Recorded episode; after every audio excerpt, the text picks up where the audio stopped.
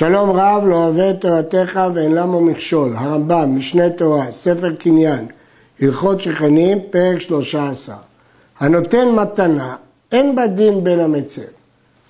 כי כל ההיגיון של בן המצר, שהוא אומר, בין כך אתה מוכר, במקום שהוא יקנה, אני אקנה. אבל פה הוא רצה לתת לו מתנה, הוא לא רצה לתת מתנה את זה לבן המצר, אז לא שייך פה דין בר מצרה.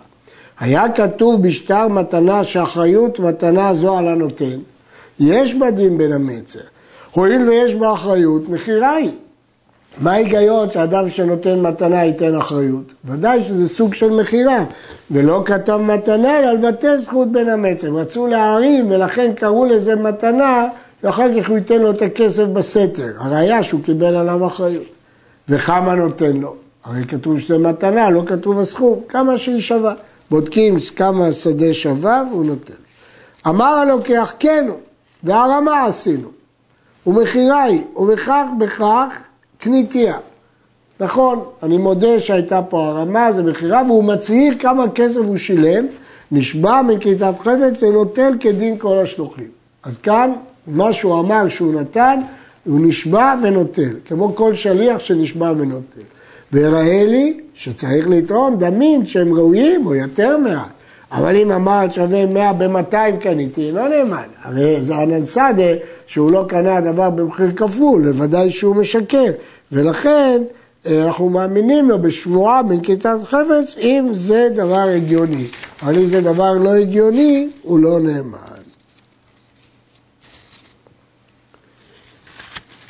היה כתוב בשטר מתנה, וקיבלתי עליי אחריות מתנה זו, שאם תצא מידו אתן לו 200.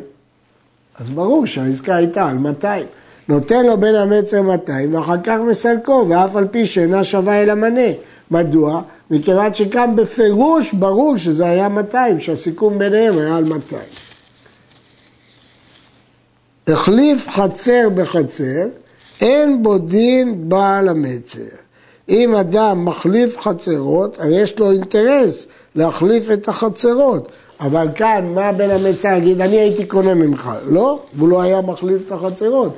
לכן אין פה דין ועשית ישר והטוב. החליף חצר בבהמה או בשאר מיטלטלין. כאן זה כבר דומה למכירה, רק במקום ממון הוא נתן לו מיטלטלין. רואים דמי אותה בהמה או אותן המיטלטלין ונותן לבן המצר ומסלקו, כי זה אפשר לקנות בכל מקום. ולא יכול לומר לו תן לי כמין שלקחתי בו, שזו הרמאי ואינה מועלת כלום, ברור שזה בעצם קנייה ואפשר להשיג את זה בשוק בכל מקום, ולכן יש דין בר מצר. מכר לו קרקע מעט באמצע השדהו. חקר מכר לו קרקע בצד אותה שבאמצע. אז עכשיו, כשבא בר המצר, אז הקונה אומר, אני בר המצר, כי קניתי קרקע באמצע, ואז לא היית בר מצר, ועכשיו היא סמוכה לקרקע שלי. רואי, אם אותו שמכר לו תחילה היא או זיבורית לגבי זאת הקרקע שמכר לו באחרונה, זכר לוקח. ואין בן המצר יכול לסלקו, שהרי הוא עצמו בן מצר, הוא בני אותו המעט שקנה באמצע. הרי אני קניתי שדה באמצע, ואז אתה לא נחשב בן מצר. עכשיו אתה בן מצר מצד אחד, אני בן מצר מצד השדה האמצעית. ואם אותו המעט כמו זאת שמכר לו בסוף צידו, בדיוק אותו סוג, הרי זה מערים, ברור שהוא מכר לו אותה בחלקים, במקום למכור בבת אחת כדי להערים על בר מצרה. ובן המצר מסלק אותו מן השדה שקנה בסוף, כי ברור שיש פה הערמה. המוכר על תנאי, בין שהתנה המוכר, בין שהתנה לוקח, אין בעל מצר יכול לסלקו, כי עדיין הקניין לא חל, עד שיתקיימו התנאים ויזכה הלוקח בקרקע ולא תישאר בעילה כלל, אחר כך יסלק אותו. כל עוד שהתנאי לא יתקיים, הוא לא יכול לסלק. ואי אפשר שבעל המצר יגיד לו, אני אכנס במקומך ואני אמלא את התנאים. לא, קודם כל בודקים שהקניין חי, ורק אז יחול דין בר המצר. הלוקח שבנה והשביח, הוא קנה ובנה בבניינים לפני שהגיע בר המצר, או סתר והפסיד, קלקל.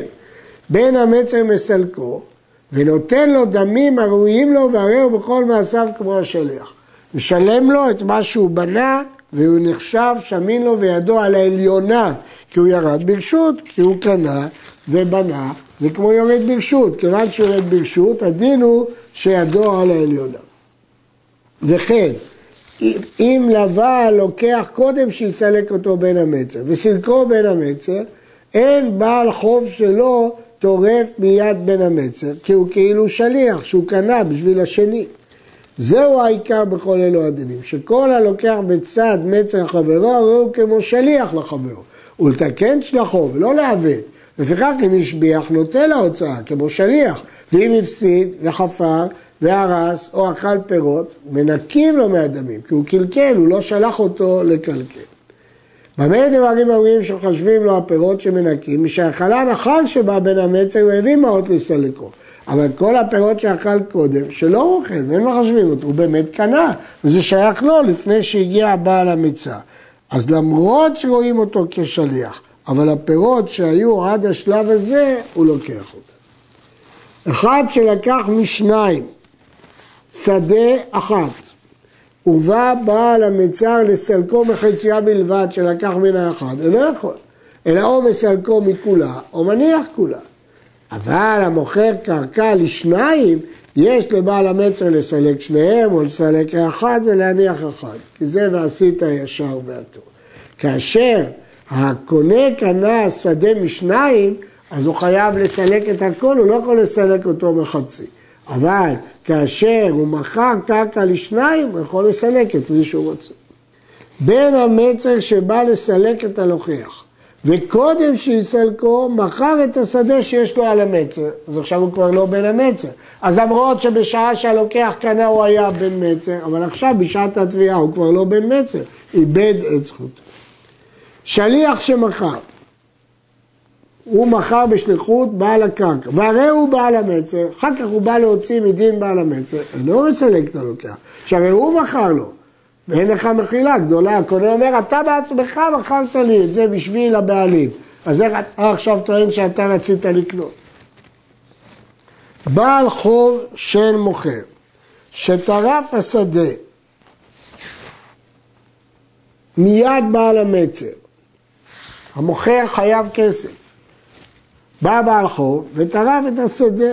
הרי בעל המצר חוזר ונוטל מן הלוקח שסילקו, והלוקח חוזר ונוטל מן המוכר. כלומר, כאשר הוא בא לממש אחריות, אחריות של בעל המצר היא ללוקח, למרות שהלוקח הוא כשליח, האחריות היא עליו, ובעל המצר הוא יבוא, הקונה הוא יבוא למוכר. כלומר, הבעל המצר לא יכול לבוא אל המוכר ולהגיד תפצה אותי, כי לא בעל דברים דידי, אז מה אתה רוצה ממני? לא מכרתי לך. הקונה שלי יבוא אליי, אני אפצה אותו. אז בעל המצר ייקח מהקונה והקונה ייקח מן המוכר. כל בעל חוב שטרף בחובו, יש לבעל המצר לסלקו. כלומר, הוא יכול להגיד לו, אני אשלם לך את החוב ותחזיר לי את הקרקע. לא יהיה כוח הטורף גדול מכוח הלוקח. אם מי שקנה את הקרקע, אני יכול לפצות אותו ולקחת אותה, כל שכן מי שחייבים לו כסף, אני יכול לשלם אותך ותחזיר לי את הקרקע. ואם ירצה הנטרף ליתן הדמים שהיו חוב לו עליו, תחזור לו שדהו לעולם כמו שהתבאר במקומו. קטן שהיה בן המצר וראו בית דין שזכות היא לו מסלקים לו את הלוקח, כי זה לטובתו, או יתלו לו חלק עם שאר בעלי המצח כמו שירצו. בית דין אביהם של יתומים, הם יראו אם זה לטובת היתום, אז הם יעשו כל מה שלטובתו, שהוא יהיה דין של בן המצח. בעל שהייתה אשתו בן המצר, הרי זה מסלק את הלוקח. שכל נכסי אשתו ברשותו, כל זכות שתבוא לה, זכות היא לו.